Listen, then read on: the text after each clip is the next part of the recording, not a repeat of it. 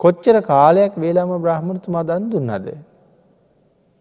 වේලාම බ්‍රහ්මණතුමා අවුරුදු හතයි මාස හතයි දවස් හත එක දිගටම දන්දීපු කෙනෙක්. රෑදවල් දෙකේම දන්දීපු කෙනෙක්. ගංගා තීරයේ තමයි ඉල්ල ගන්න රජ්ජුරුවන්ගෙන් දන් දෙන්න.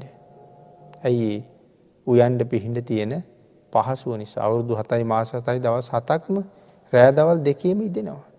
ඉස්සරලාම කෙරුවේ ගබඩා හැදවා. ඒ ගබඩාවල පිරෙව්වා මෙච්චර කාලිකට දන් දෙෙන්ට. කොච්චර කොයි කාලෙකද මේ දානි දෙන්නේ. අබුද්ධෝත් පාද කාලයක. දානෙ දෙන්ඩ ලෑස්ති වෙලා එක දවසක් උදේ පාන්දර නාල හොඳට ඇඳගෙන රත්තරන් කෙන්ඩියකට පැම්පුරුවගෙන තමන්ගේ මාලිගාව ඉස්සරහට ඇවිල්ල පැන්කෙන්ඩිය අතේ තියාගෙන කල්පනා කළා මගේ දානි පිළිගණ්ඩ. මේ ලෝක දහත්වය කොහෙ හරි ආර්යන් වහන්සේල වැඩ ඉන්නවනං මේ කෙන්ඩියේ තියෙන ජලය මහපොලොව හාමුසු වේවා කියලා වතුර වැැක්කිරුව මහපොලෝට එක වතුර බින්දුවක්වත් වැටුන්නෑ. නමුත් වේලාම බ්‍රහ්මණතුමා කලකිරුණද කලකිරුණෙත් නෑ. දෙවනිවර අධිෂ්ඨාන කළා.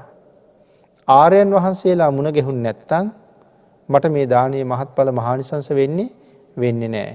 නමුත් දන් දෙන දායකයා වෙච්ච මගේ ප්‍රඥාවෙන්. මගේ සීලයෙන් මේ දානය මට මහත් පල වෙනවනං. මේ කෙන්ඩිය තියෙන පැන් මහපොලෝ හාමුසු ඒවා. නැවත වතාවක් කෙන්ඩිය මහපොලොට හැරෙව්වා. සඳහන් කරනවා රත්තරන් කෙන්ඩී තියෙන රිදීවන් ජලය ඒ සැනින්ම මහපොලෝ සිපගත්ත කියලා. ඒ කැනෙ දායකයගේ ප්‍රඥාවෙන් දායකයගේ ශ්‍රද්ධාවෙන් දායකයගේ සීලයෙන් දානය මහත් පල වෙනවා මහානි සංසදායක වෙනවා කියන කාරණාවයි එතන සඳහන් කරලා තියෙන්නේ.